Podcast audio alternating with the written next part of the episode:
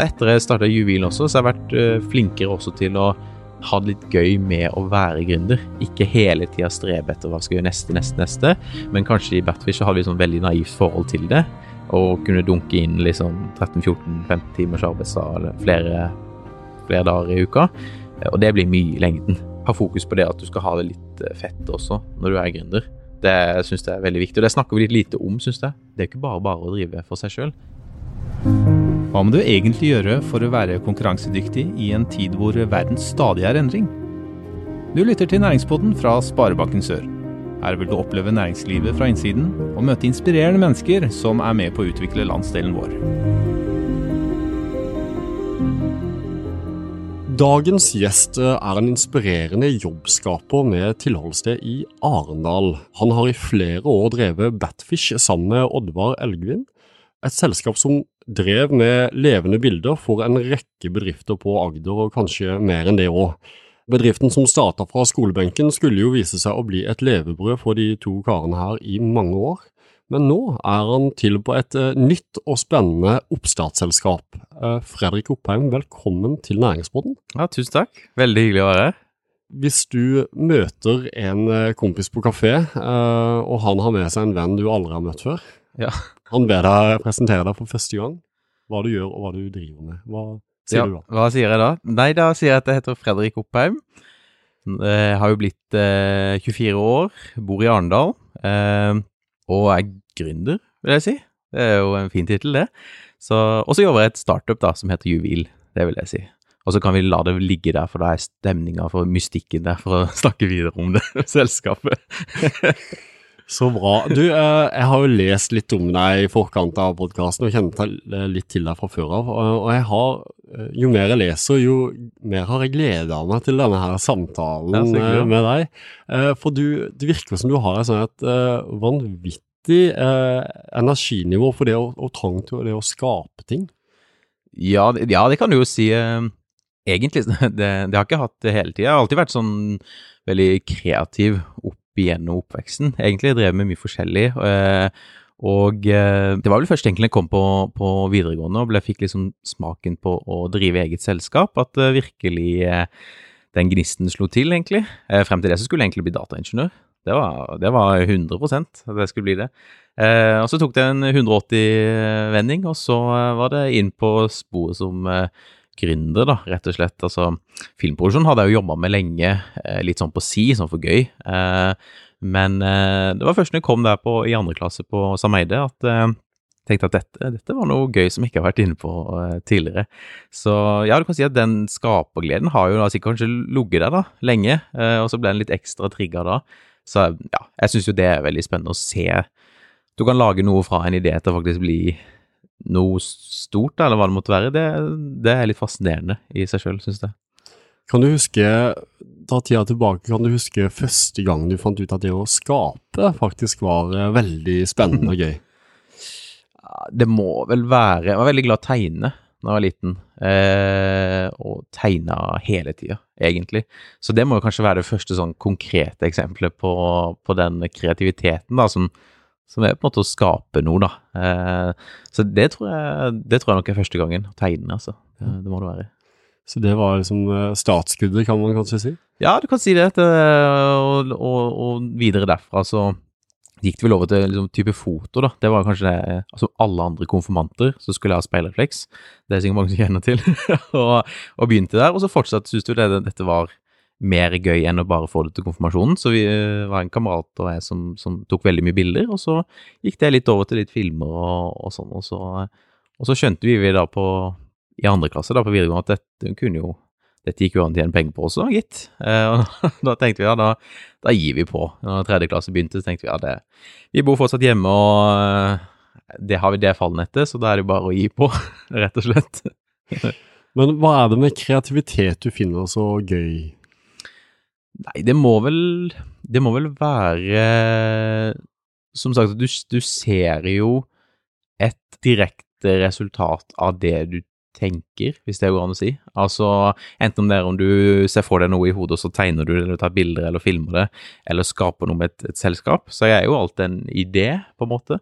Og at du kan konkretisere en idé til noe slags fysisk noe, det er kanskje det som jeg syns er spennende, da. Og da er vi jo egentlig inne på ditt neste prosjekt nå, som er Juvel. Ja, det, var godt nå sa du riktig også om navnet, for det er ikke bare bare, men det heter Juvilia. Jeg har faktisk jobba litt Ja, med du utdannelsen. jobba med utdannelsen, ja.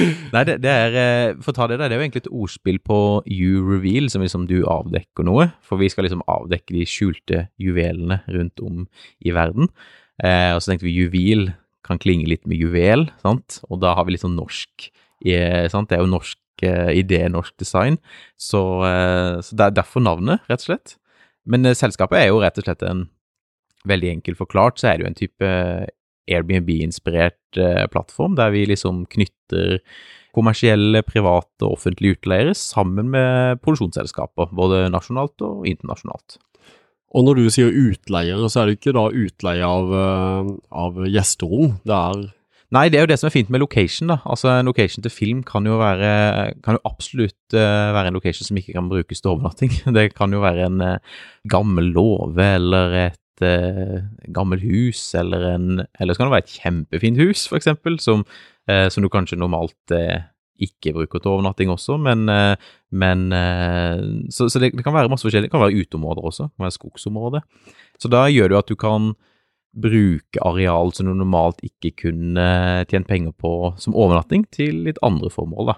også. Du, eh, la oss ta tida litt tilbake da og snakke om den der eh, for, for denne ideen har ikke bare oppstått sånn plutselig. Det er kanskje noen erfaringer fra Batfish her, eller?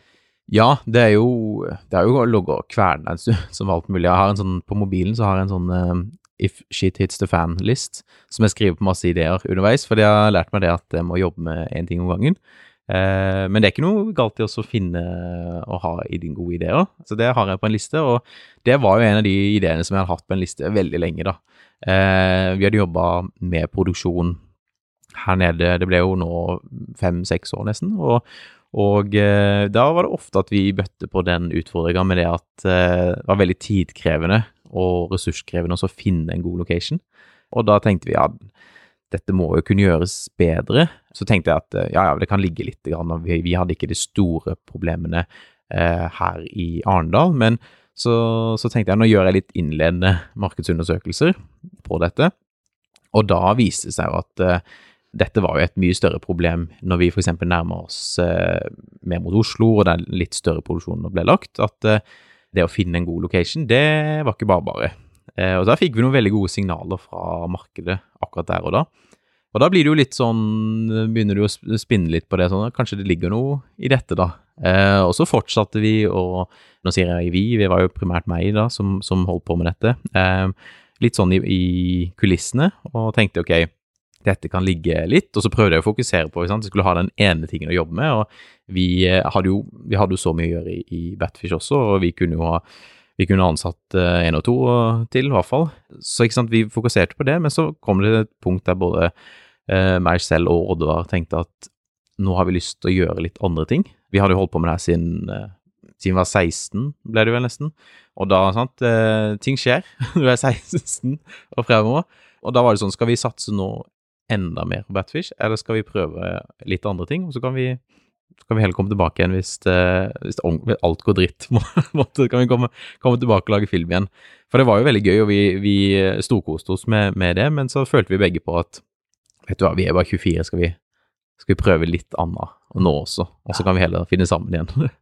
Eh, så, så da ble det jo Juvel videre, da, og jeg fikk med meg noen eh, dyktige utviklere eh, som også tente på ideen. Det er jo også en viktig aspekt med hele denne gründerreisen, å ikke holde ideen for deg selv hele tida. Det ser dessverre altfor mange eksempler på det. Del det med folk, og eh, de aller fleste har ikke kapasitet eller gidd og lyst som du selv har til å ta den ideen videre. Men du kan få veldig mange gode eh, samarbeidspartnere, og du kan knytte og koble sammen folk. Så du skal ikke være så redd for å dele ideen. Rett og slett, Det har i hvert fall jeg best erfaring med. da. Så kan det være noen andre som har det, som gjerne vil tviholde på den. da. Du hadde en, um, en idé og skal da treffe de riktige. Eh, hvordan, hvordan går du frem da for å finne de riktige som passer deg? Hva gjorde du med, hva gjorde du med Juvel? Det som jeg gjorde med, med Juvel, det var jo det at eh, først så har du kjent dette sjøl på kroppen i, i Batfish, og det gir jo et veldig godt utgangspunkt da, å ta med seg inn i dialoger.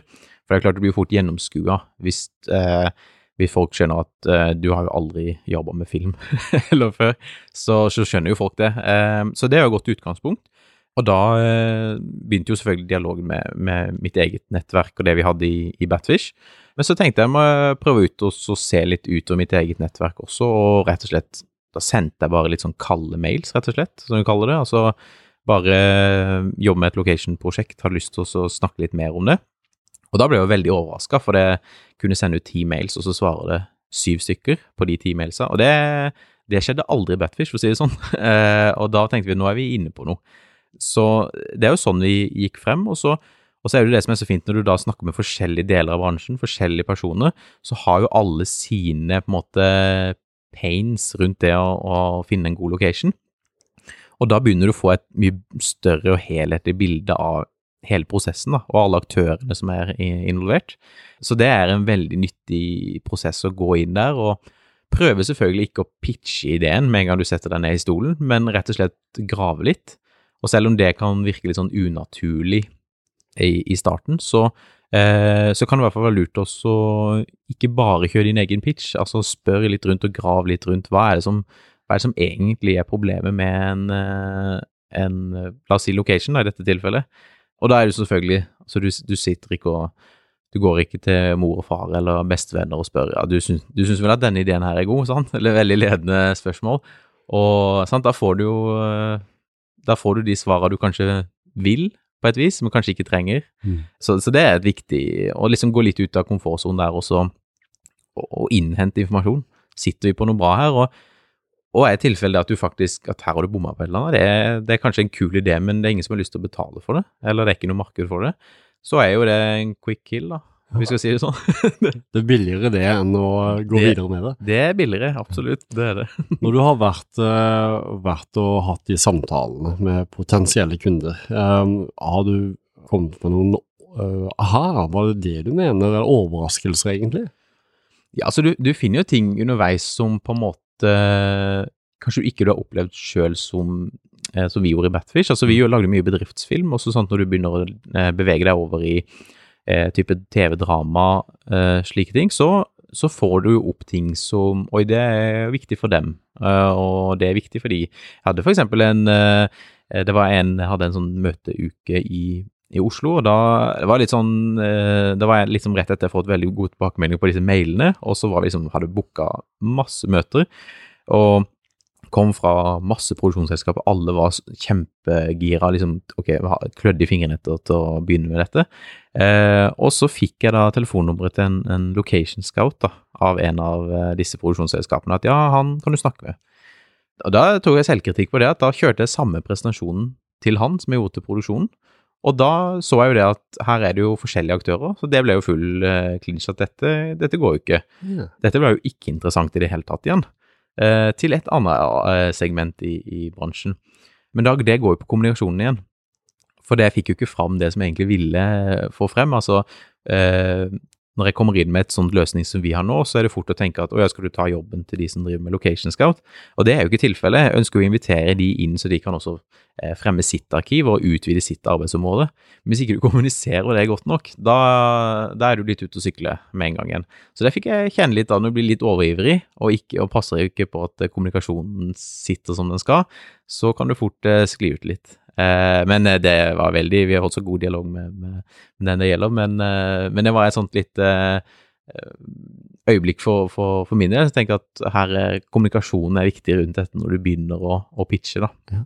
Det, er ikke, det, er ikke, lik pitch til, til alle aktørene, Nei. rett og slett. Men der er du inne på noe interessant, da, for det kan jo hende, antageligvis, så er det en del av de lytterne vi har her i Næringsbåten som ikke kjenner så godt til bransjen du eh, nå skal inn i. Fredrik, kan du ikke fortelle litt eh, og beskrive den litt? Jo, altså, det er jo, igjen, som, som vi snakka om innledningsvis, det en kreativ bransje. Eh, mange ideer, og eh, når du har mange ideer så kan du fort bli litt ustrukturert. Og det er jo det som kanskje har båret preg av akkurat den location-prosessen, at det er mange små aktører som har sine arkiv, og som, som lever av det.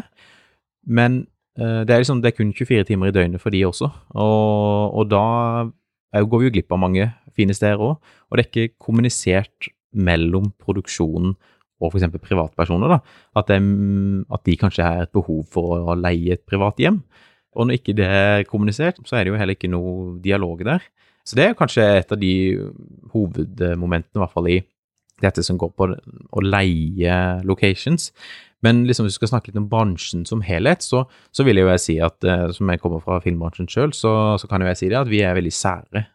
vi, vet, vi, vet, hva vi vil ha, og vi kan godt være spesifikke på eh, Altså det kan være hvis vi skal lage en produksjon, og så så vet vi at å, vi skal gjerne ha den fargen, den teksturen, og så skal den ha den dybden i rommet og bla, bla, bla. Sant? Det kan være så mange parametere at uh, du tenker at det går ikke an å finne i det hele tatt. Og, og, når du tenker det at dette er så spesifikt at det ikke går an å finne at vi må bygge det, da tenker jeg at det er noe interessant. Kanskje finnes det noe i nærheten, men hva, du ser det ikke. Det er jo det som jeg syns er spennende med det, at uh, en location eh, Du finner så mange kule locations hvis du bare tar en litt annen vei f.eks. til jobb hvis mm. enn du vanlig gjør, så plutselig kommer du et sted Oi, her har jeg aldri vært før. Og Det er jo det som er litt kult med eh, location, og da kan det jo nettopp være det at eh, når du har så sære eh, preferanser på hvordan en location skal se ut, f.eks. til en produksjon, så må vi nettopp da tilrettelegge for det. Ok, Klarer vi faktisk å, å gjøre en kartlegging sånn at du kan finne disse ordentlig sære stedene? Så særhet er jo sikkert noe som, som, eh, går igjen generelt i bransjen, og det kan jeg si sjøl, for det, jeg jobber i den sjøl. Men så er det jo også det, det er mye, mye, ideer også, og mange produksjoner du jobber med hele tida. Og da har du også en, et visst behov for en slags sånn kreativ input. Hvis du, altså, Det kanskje kjenner mange som har prøvd å være nå, være kreativ nå. Finn på en, et, et logonavn nå. Kan ikke du bare Altså, ja, alle kjenner til den kreative prosessen du blir satt i, og så skal du være kreativ på kommando. Det er ikke alltid så lett. Ganske krevende. Det er ganske krevende. Og da er det jo litt det er et sånt system som Jubil, da, som skal da tilrettelegge for at, at du kan bruke systemet som litt sånn moodboard, altså litt sånn kreativ hjelp i en preproduksjon. da. Mm. Og det skal jeg love deg at det er ganske luksus. For det, ja, ideer og kreativitet kommer når du minst venter det, men hvis du har mye som skjer, og mange produksjoner skal gjennomføre, så kan det være lurt, å, eller i hvert fall veldig behagelig, å ha litt sånn kreativ input fra, fra andre, andre, steder. da. Men så er det sånn at du som en plattform, da du bygger denne plattformen her nå, eh, og da på den ene sida så skal du ha eh, et behov hvor du har bransjen du òg eh, er en del av. Og så på andre sida så har du da kanskje ja, meg, da, som har et hus i Froland, og som Eh, eller en gammel låve for den saks skyld, hvis jeg hadde hatt det. Eh, som jeg tenker at den kan jeg poste ut der. Mm. Stemmer det? Ja, det kan du poste ut der, ja. Så ja. det stemmer, ja. Det må være litt utfordrende å måtte Du når jo egentlig to markeder, vidt forskjellige markeder. Ja, det er jo det som er med sånne delingsplattformer, da. At du mm. skal jo ha tilbydere og, og kjøpere på den andre sida. Eh, og da har vi jobba litt med Jeg er jo i eh, inkubator, er inkubatorbedrift for Inventus Sør også. Og da har vi også jobba litt med dette i forhold til sånn kjernetekst. Altså liksom hva er kjernen i det vi leverer? Og så kan du bygge ut fra det til de to ulike markedene. For du skal, selv når du kommuniserer til den ene aktøren, så skal du likevel kommunisere litt til den andre også, på et vis. Altså det skal ikke være eh, Hvis du viser eh, La oss si at jeg hadde vist eh, en eh, altså snakka til deg som privatperson, så kan det jo godt være at du hadde kommet til en situasjon seinere der nei, jeg skulle gjerne leid en location fordi vi skulle gjort noe på Sparebanken Sør, f.eks. nå, en filmproduksjon. Og hvis ikke jeg har kommunisert det, hvis jeg kun kommuniserte du som privatperson, og ikke snakka til at du kan faktisk leie gjennom også, eh, så blir jo det litt feil igjen. Så du har litt tunga rett i munnen og, og eh, når du på en måte kommuniserer rundt der, men, men, eh, men, det det går på, er jo rett og slett at eh, du har mulighet til å få en alternativ leieinntekt, og produksjonsselskapet har masse å velge mellom, mm. egentlig. Så, Smart. Mm. Du kommer inn fra eh, en filmbransje, kan mye om film og, og bransjens særheter, som du nevnte sjøl. Men så skal du da bygge en plattform. Eh, du må plutselig ta stilling til brukergrensesnitt, brukervennlighet, eh, strategiske valg for, eh, for internettbusiness. Det er ganske mange utfordringer, vil jeg tro. Hvordan opplever du det har vært? Nei, altså det var kanskje veldig utfordrende å komme fra da produksjonsbransjen til plutselig jeg skulle i tech lage en plattform. Og jeg har jo selv ikke noe, noe IT-bakgrunn, uh, annet enn at jeg lager litt nettsider og sånn, men uh, det strekker ikke nødvendigvis helt til her. Så det var kanskje et uh, møte med, med en, en, måte en ny verden for min del. Men jeg har fått mye gode råd underveis, og vi har hatt veldig fokus på det at vi skal ikke utvikle ting før vi har på en måte ettersjekka det litt. At liksom, er, er, dette en funksjon som er, er nyttig å ha? Eh, dette har vi også snakka litt med både lokalt her, men også i Oslo til produksjonsselskaper. Okay, hva, hva om vi implementerer denne? Hva, hva, tenker dere om det? Og så får du jo noen, noen svar eh, der, og så kan jo så må du være litt selektiv også, for det kan jo være svar du får som de ønsker å gagne seg sjøl, men som de likevel kunne gått med på noe annet, hvis du skjønner. Altså, så du må være litt selektiv på, på disse innspillene som, du også får. Eh, for du skal jo også utfordre bransjen litt. Altså, det er jo det vi også gjør med denne plattformen. at eh, vi utfordrer til et nytt tankesett, til et nytt måte å strukturere arbeidet på. Og det er jo en endring, og en endring er ikke alltid, er ikke alltid positivt lada i den forstand. Eh, så, eh, så, så, akkurat det, det var ganske nytt for min del. Og selv om du tenker at vi bare gjør det sånn og sånn, du har det så klar for deg i hodet. Men heldigvis har jeg dyktige partnere, og vi har jo har et utviklingsselskap som, som, eier litt av selskapet også, så det har vært et fantastisk samarbeid der. og Vi har gode utviklere, vi har gode designere, og så kan vi bruke designet til å, til å teste. Eh, også når vi, har, er klar på, på det vi har designa, så kan vi heller putte pengene på utviklinga. For det er dyrt å, det er dyrt å begynne å utvikle, og så ser du at oi, denne funksjonen skulle vi hatt istedenfor, eller det designet var feil. Da, da, da, løper de timene fort, for å si det sånn. Så det, det er jo kanskje litt, eh, en litt uvant eh, situasjon for min del, da, som bare mm. da jobba i produksjonen som Ok, nå gjør vi det sånn, men da var jo på en måte vi det kreative sluttpunktet, kan jeg si. Altså vi, det vi klippa, det var sånn det skulle se ut. Eh, og, men nå er det mer vi må designe det, og så må noen andre se om de liker det. Det blir litt det samme som filmproduksjon, men vi hadde kanskje litt mer den kreative friheten som produksjonsselskap. Eh, så, så det, det, er en, det, er en, ny hverdag på akkurat det. Det er det, men det er veldig gøy, da. Ja, og, og, jeg vil kanskje tro at det stopper jo heller ikke der, eh, for du skal i tillegg til at eh, det skal gi en god feedback, du skal dekke en frustrasjon og kanskje irritasjon og spare tid, så skal du jo bygge en forretningsmodell, bærekraftig forretningsmodell rundt det. Hvordan hvordan ser du for deg å tjene penger på dette, Fredrik? Det, det, altså Forretningsmodellen er egentlig ganske enkel. Det er en sånn eh, pay per view, som vi kaller det. Altså du betaler for det du bruker på plattformen. Og det vil si at uh, vi tar bare et, eh, et, honorar av alle utleiene som skjer. Og så er det jo litt sånn uh, skal jeg si, litt sånn jomfrumentalitet i bransjen også.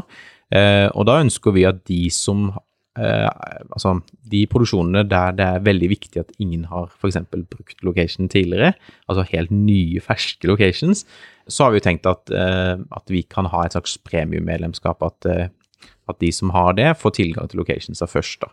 Og, eh, men ellers så blir det at du kan, du kan inn og kikke i systemet, og hvis Sparebanken Sør skulle lage en filmproduksjon, og dere sier oi, det er kult å ha den leiligheten der til akkurat den filmen vi skal lage, så kunne dere gått inn og så booka den, og så tar vi et honorar av av utleien. da.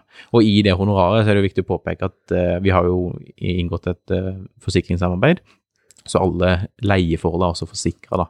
Så hvis det er noen som er uheldig og stikker et lysstativ i taket, så fikser vi det.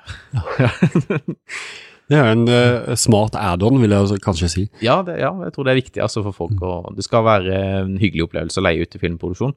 Og hvis noen er uheldig, så rydder du i hvert fall opp. Så det er viktig. Så bra. Og vi er, vi er, jo litt inne på utfordringstematikken her med det å starte noe nytt, for det er jo mye arbeid og sånne ting. Men hva er det som holder deg våken om natta? Eh, ja, det er litt vittig, for at uh, tidligere så Og det kan jo sikkert veldig banalt uh, å, å, tenke sånn, og det burde du jo visst uh, mange som ville sagt, men tidligere, når vi var helt i starten, så hadde ikke vi noen sånn to do-lister. Og det skal jeg love deg, da, det kverna godt i skallen. Eh, men det så jeg fort at dette måtte ordnes. Så jeg er veldig sånn slavisk når det kommer til to do-liste og kalendere. Som jeg sa til min kollega Oddvar, at hvis ikke det står i to do-listen min eller kalenderen, så skal ikke jeg gjøre det. Det spiller, spiller, ikke noen rolle om det om jeg bare skal hente posten. Altså, det er liksom eh, nesten så ille. Så, så der, er det, der er det veldig sånn. Men da tømmer jeg skallen for alt mulig ned på enten om det er ideer, så går det på ett felt, og er det ting jeg skal gjøre, så går det på et annet. Og da er det så enkelt som at eh, skal jeg huske å sende en mail til de da, eller jeg må huske å eh, hente det, eller ja, gjøre Det kan være småting, rett og slett. Men det er en måte for min del å få det helt vekk. Men så er det selvfølgelig andre ting du sitter og tenker på i forhold til eh, altså hvordan ting blir. Altså nå, nå, nå, hadde vi nettopp at vi liksom lanserte registrering for locations, altså private utleiere. Og da sitter du selvfølgelig og tenker oi, funker de annonsene nå? Altså, eller er det ingen som konverterer, eller hva, altså, hva skjer? Og det er jo selvfølgelig sånne ting som du sitter og tenker på ofte, er inne og oppdaterer for, for å sjekke, da. Men jeg har eh, Hva skal jeg si for noe? Det er jo rart å si jeg er kun 24 år, men når jeg jobba med det når jeg har vært gründer allerede da i fem år, og de siste åra så skrev jeg også en bachelor på markedsføring og ledelse, så kjenner du det at eh, ting blir litt mye innimellom. Og det er helt greit å kjenne på som gründer også. Og da, så jeg, hva skal jeg si for noe, etter jeg starta Juvil også, så har jeg vært uh, flinkere også til å uh, ha det litt gøy med å være gründer. Ikke hele tida strebe etter hva skal gjøre neste, neste, neste. For det var typisk kanskje noe som uh, vi gjorde i Batfish. og og det kan jo være en av flere suksessfaktorer i Batfish at vi var såpass på, og jeg er jo fortsatt veldig på, vil jeg jo si, men, men kanskje i Batfish så hadde vi sånn veldig naivt forhold til det, og kunne dunke inn liksom 13-14-15 timers arbeidsdag eller flere, flere dager i uka. Mm. Og det blir mye i lengden. Og når du skriver en bachelor i tillegg ved siden av, skal jeg love deg det blir veldig mye. og da så, så, så jeg kanskje blitt litt mer eh, etter juvel så har jeg blitt mer Har fokus på det at du skal ha det litt eh, fett også når du er gründer. Det syns jeg er veldig viktig, og det snakker vi litt lite om, syns jeg, som å være gründer. At det, det, er ikke alltid det er så kult. Og vi har veldig mange eventer der vi snakker om Oi, se på meg, hvor bra jeg har gjort det, og suksesshistorier. Men dessverre så sitter det da veldig mange i salen de gangene der og tenker Oi, hvorfor har ikke jeg kommet dit? Eller hva skal til for at jeg kommer dit? Eh, og det syns jeg er litt, eh, litt dumt, rett og slett. Vi burde ha enda mer sånne dette Nå går det dritt, liksom, i selskapet. Nå eh, Dette trenger jeg hjelp til, dette sliter jeg litt med. Eh, for det er altfor mange som liksom sier ja, men hvordan går det med selskapet? Jo, det går bra. Så sånn, ja, hva, hvordan går det liksom med selskapet egentlig? Ja. for det er jo ikke bare, det er ikke bare, bare å drive for seg sjøl. Og da når vi hele tida blir proppa med disse gode historiene, eh, så kan det være litt toxic i lengden. Så jeg har vært veldig sånn, eh, prøvd meg sjøl at eh, nå skal du ha litt fett også når du er gründer nå og ha det gøy. Eh, og det, da, da, tror jeg faktisk du har mulighet til å løpe litt lengre maraton som, som startup, rett og slett. Du skal ha det litt moro underveis òg. Hva er det du gjør når du har det gøy? På jobb? Hva var det siste du gjorde når du hadde det gøy på jobb?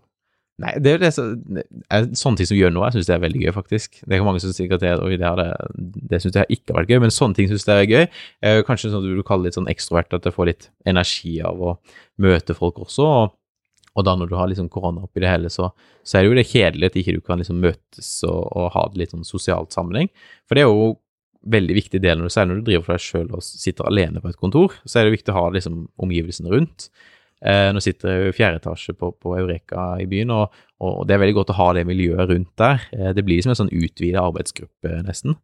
Eh, men jeg vil si at det, har det veldig gøy når du prater med andre engasjerte folk innenfor bransjen, og, eh, og rett og slett bare det tar deg litt sjøl i at ok, nå kan jeg jeg går, og, går til byen for å, for å, ordne det, og så kommer jeg tilbake, og så tenker jeg litt på det at uh, det er ingen som skal liksom ha full kontroll over det jeg gjør, på et vis. Det, jeg pleier å si det at du får ikke noe mer fri, eh, fritid av å være gründer. Det gjør du ikke. Men du får friheten, og den syns jeg er veldig viktig. Så ja. Du, um, la oss snakke om uh, ta fram glasskula, som jeg bruker å si. Uh, Juil om uh, fem år, hvor er dere da, Fredrik? Om fem år, da Altså, vi jo, har jo på en måte fordelen med å være liksom first mover i Skandinavia på akkurat dette segmentet. Det finnes jo lignende løsninger i, i Nord-Amerika, Canada, eh, London. Så det skjer noe i dette markedet. Så jeg mm. håper at uh, vi kan være en uh, ledende aktør, i hvert fall i uh, Skandinavia. Og vi skal også bevege oss utover mot Europa innenfor dette aspektet. så det er det som jeg ønsker for selve selskapet. Så har vi selvfølgelig mange andre liksom, delmål internt som ikke er veldig så spennende, men, men jeg håper at vi kan skape en, et selskap også Altså skape arbeidsplasser for, eh, for, andre, og jeg ønsker jo å få med meg flere folk. altså Det er jo det som jeg savner fra Batfish. at jeg vil gjerne, Der hadde vi jo flere som jobba sammen om noe. Eh, jeg har jo en god partner her, men jeg vil gjerne ha også flere på kontoret her i, i Arendal. Så, så, det er vanskelig å si hvordan veiene tar. Det var sånn Hadde du spurt eh, oss var vi fem år med Batfish når vi starta, så visste vi ikke engang om vi kom til å overleve neste sommer. Det var litt sånn. Eh, så jeg syns at du skal, skal, ikke sette så Du kan ha masse lange mål internt, eh, og det er vel og bra, det, men ting kan skje, rett og slett. Og ting endres hele tida. Eh, så, men jeg håper at Juvel er en, et, et sted som har man generert noen arbeidsplasser, og at vi er Vi skal i hvert fall være størst i Skandinavia på dette. Og så tar jo ting tid, da, så vi får se. Det er de velbe... Altså de beryktede tre t-ene. Ting tar tid. Så vi får se. Appetitten ble til mens han spiser? Ja, er det ikke litt sånn? Ja. det er det. Du, eh, vi var innom eh, hva som holder deg våken om natta, men hva er det som får deg til å stå opp om morgenen? Det er jo Jeg vet ikke helt. Altså, jeg hadde Det må jeg ta litt sånn i sammenheng med det. Jeg hadde et foredrag uh, for noen åttende, niende og tiendeklassinger tidligere, det var vel i fjor, Eh, og da er det jo sånn, sånn folk som lurer på ikke sant, hvordan liksom klarer du å strukturere det, og når du snakker til åttende-niendeplassinger, altså sånn, hvorfor gidder du, altså, hvorfor står du opp eh, klokka åtte liksom og går på, på, jobb da? Og det er litt vanskelig å si. Altså, vi var veldig flinke tidlig i Batfish, kanskje, så kanskje har gode vaner derfra, med at vi skulle komme på kontoret til en viss tid, og selv om vi var ikke på kontoret sånn klokka åtte, vi drøya det til ni, så det var helt greit, for vi jobba også seine kvelder innimellom, så vi tenkte at det er helt fint. Så det er sikkert noen vaner som er henta derfra, og så får jeg en sånn boost innimellom at, at jeg kan legge meg på kvelden og så tenker jeg sånn mm, I morgen så skal jeg våkne sånn, sånn drittidlig og bare gå på jobb da. Og det er en eller annen greie, jeg vet ikke, jeg vet ikke hvorfor jeg gjør det, men av og til så er det lettere, istedenfor å si at jeg skal stå opp klokka eh, syv hver dag, da. Eh, så er det mer sånn Ok, nei, men da prøver vi heller å komme på kontoret til klokka ni til vanlig. Og så har jeg sånne dager innimellom der jeg sier sånn Jeg skal stå klokka fem liksom og gå på kontoret. Og så får jeg liksom gjort veldig mye de timene for da vet jeg at jeg har litt å, å jobbe med. Og sånn blir jeg veldig effektiv av, da. Så jeg vil si liksom gode vaner, og så har jeg liksom god struktur på det at du skal komme meg på kontoret også. Jeg skal ikke ligge og liksom dra meg til langt på dag og så jobbe veldig seint. Det gidder jeg ikke. Eh, for det, det har litt, litt, med det å gjøre også, som vi snakka om tidligere, med at eh, du skal prøve å, å ha eh, litt liv ved siden av firmaet også. Så Men ja, jeg tror Jeg vet ikke, kanskje gode vaner fra tidligere. Altså kanskje jeg blir Kanskje blitt eldre. Kanskje, det, mm. kanskje da vil jeg opp litt tidligere. Jeg vet ikke. Ja, men uh, Litt sidespor der. Jeg, jeg liker òg å stå opp tidlig. og og mye av grunnen jeg har tenkt på det hvorfor jeg liker det, men det er nok fordi at jeg føler jeg får tid som alle andre går glipp av. Ja, ja det er sant. Ja. Jeg elsker det. Sånn å komme tidlig på kontoret, og så ser jeg det er ingen som er der, og du kan bare liksom crunche to timer før du ser første person komme. Det er nydelig. Det, det, det. Du, uh, vi uh, vi må òg eh, komme inn på litt tips her, Fredrik. Du har eh, Ja, du, du er en ung kar ennå, men allikevel så har du gjort så vanvittig mye. Og den erfaringa er litt gøy å ta litt tak i. og og rett og slett spørre hvis det er noen som har tenkt seg å gå en vei slik som du har gjort, eller starte for seg sjøl. Mm. Har du noen tips? Ja, altså, det er mange tips uh, underveis. Så først er det jo litt med å sette seg kanskje å tenke litt, for folk begynner jo gjerne med en idé, og så er det jo litt hvorfor ønsker du å gjøre det? Det er jo kanskje å finne litt motivasjon bak det først, det kan være litt fint, egentlig. Men sånn rent sånn konkrete tips, da, hvis jeg skulle flytta La oss si jeg flyttet til et annet land da, og skulle starta opp, så er noe kanskje det første jeg ville gjort, det er å oppsøke type sånne co-working-miljøer. Det er kanskje noe av det aller første. Og selv om mange tenker at uh, Snakka litt om dette i en annen artikkel for Gründer365, og, og, dette med at det sånn, kan oppfattes litt nice to have å ha et kontor, men å ha et, eh, en plass i et kontorfellesskap, det kan være veldig nyttig i starten. For da møter du folk som har et litt annet mindset til ting, og du, de er åpne for å skape relasjoner, da. Eh, og så hvis du begynner der, så gjerne hoppe litt over til f.eks. næringsforening og sånne ting. Ypperlig sted å være. Der kan du få litt kontakter. Og, og, videre derfra så er det jo nettopp det å, å knytte på seg folk. da, ok, Hvem trenger du eh, som er gode samarbeidspartnere? Og eh, sånn som jeg fant samarbeidspartnerne mine på Juvil nå, det går så langt tilbake som eh, da flytta til Kristiansand eh, for å begynne på bacheloren mens vi holdt på med Batfish. Så møtte jeg en utvikler der i eh, Kristiansand, og da har vi liksom bare holdt kontakten litt der, for jeg visste at han drev med utvikling. Så du skaper noen relasjoner underveis som du ikke nødvendigvis der og da tenker at dette trenger jeg nå, men det, det kommer eh, så gradelig i retur, skal jeg love deg. Uh, alle disse relasjonene. Det kan være småting du trenger hjelp til. Uh, så jeg tror veldig på det der å, å skape et godt fundament og et godt, et godt nettverk tidlig. Det er viktig. Og så er det selvfølgelig noen som det er jo litt sånn mingling, altså et sånn forferdelig ord, eh, syns det. Og, og, selv om jeg syns det er veldig ok og gøy med sånne sosiale sammenkomster, så er det noen som ikke kan fordra det, og det har jeg full respekt for. Men det er dessverre der mye av sånne ting skjer. Eh, så da er jeg litt sånn Da bør du finne deg kanskje en partner eller noen som kan liksom speak your case og gå litt på disse tinga, rett og slett. For det er gjerne der relasjoner bygges, og du møter hverandre i en litt annen setting. Um, et veldig godt eksempel på det er jo for eksempel uh, i Batfish så hadde vi mye foredrag de siste åra. Og det var en måte som vi så at vi ønska å dele vår kunnskap. Og så var det mange som sa sånn ja, men skjærer dere ikke av deres egen grein dere sitter på? Men det som, det som, skjedde, det var jo det at folk var jo veldig interessert i egentlig å lage film. Eh, men så kanskje ikke de hadde budsjettene til og ønska å begynne litt i de små. Eh, og da tenkte jeg ok, men da kan vi gå inn til det segmentet, og så lærer vi de å begynne å lage film. Og det som skjedde da, det er jo at når ikke vi har en salgsapproach, og da referert til f.eks. andre sånne sosiale sammenhenger, så senker garden seg litt hos folk. Og folk er mer mottakelige for å høre hva du har å si. Så vi, altså på disse foredragene som vi hadde, så uh, genererte jo vi jobber for mange, mange hundre tusen i ettertid av enkeltforedrag, som vi tenkte at og det, dette kunne være foredrag som jeg hadde f.eks. et på en pub i Kristiansand. Noe så uh, eksklusivt som det. Så når jeg gikk fra det, så tenkte jeg ja, dette var ikke det beste foredraget jeg holdt. Og, og folk liksom begynte å bli ganske bedugga også der på det foredraget. Men der jammen kom det eh, noen store jobber rett etterpå. Folk direkte kontakt med det, med det seminaret. Så du skal ikke, du skal ikke tenke at oi, dette er ikke relevant for meg. dette. Du skal selvfølgelig være litt selektiv i tida di. Det er mye tidstyver som gründer, det er det absolutt. Det har jeg fått kjenne på, i hvert fall nå. Men det der å, å møtes på litt sånne arenaer der det blir litt mer sosialt, litt kunnskapsdeling, det trenger vi også veldig mye mer som, som gründere, tror jeg. At vi, vi deler litt erfaringer. Ikke bare den der fasaden og se så flott og bra det går med meg. Da, da, senker garden seg litt hos folk, og, og, så blir det mye mer hyggeligere å være gründer også. Ikke sant? Du kan møtes, og det blir som en slags organisasjon, på et vis, kan jeg si. Altså, Det er også på fjerde etasje hos oss nå på, på Eureka at det, det, blir som en litt sånn stor eh, organisasjon som møtes i lunsjen, og så går vi tilbake, og så holder vi på med vårt på, på cellekontorene. Så det er veldig fint, egentlig.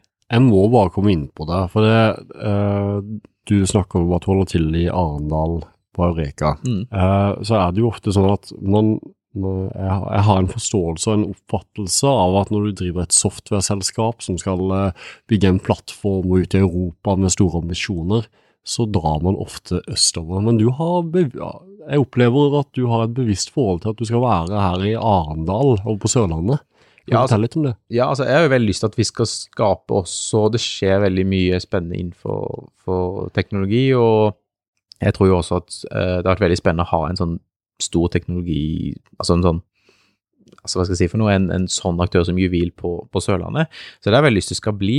Uh, men så er det jo nettopp det at uh, det kan jo godt være at uh, for at det skal kunne være på Sørlandet, så må vi også kunne hente disse jobbene også fra Østlandet og ut i Europa. Altså når jeg sier Østlandet, så er jo det mer altså Dette er jo en sånn go to market strategy. For det, vi skal jo ut i Europa, i Skandinavia, og da er jo plutselig Agder nærmest dit igjen. Så det som jeg tror, det er jo det at at jeg har veldig lyst til at det skal bli, eh, at måte, hovedkontoret skal være eh, her. For det er en veldig naturlig vei ut til Europa.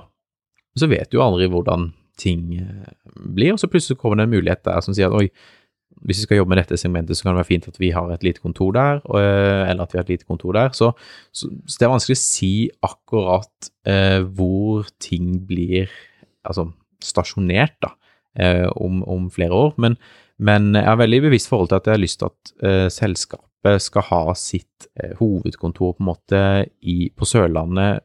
Vi snakker litt fremover i tid. Uh, da tror jeg det kan være en en fin plassering i forhold til ja, nærmest til Europa, hvis jeg kan si det sånn. Mm. Mm. Så bra. Du, Fredrik, vi nærmer oss slutten her nå. Jeg har alltid et fast spørsmål ja. til alle våre lyttere, som de kanskje har fått med deg, men i og med at vi kaller dette her næringsbåten, ja. hva, hva, gir deg næring og energi i hverdagen? Næring og energi? Det, nei, altså jeg har en fantastisk samboer som eh, gir mye energi. Eh, det er i hvert fall veldig viktig for min del. Eh, og så som jeg sa, det der med å ikke være så høytidelig med det som, som jeg sa, det som alltid streber etter neste mål og målet hele tida, men å være litt tilfreds med hvordan ting er nå, og sette litt pris på det, det, det gir meg energi, faktisk. Det gjør det.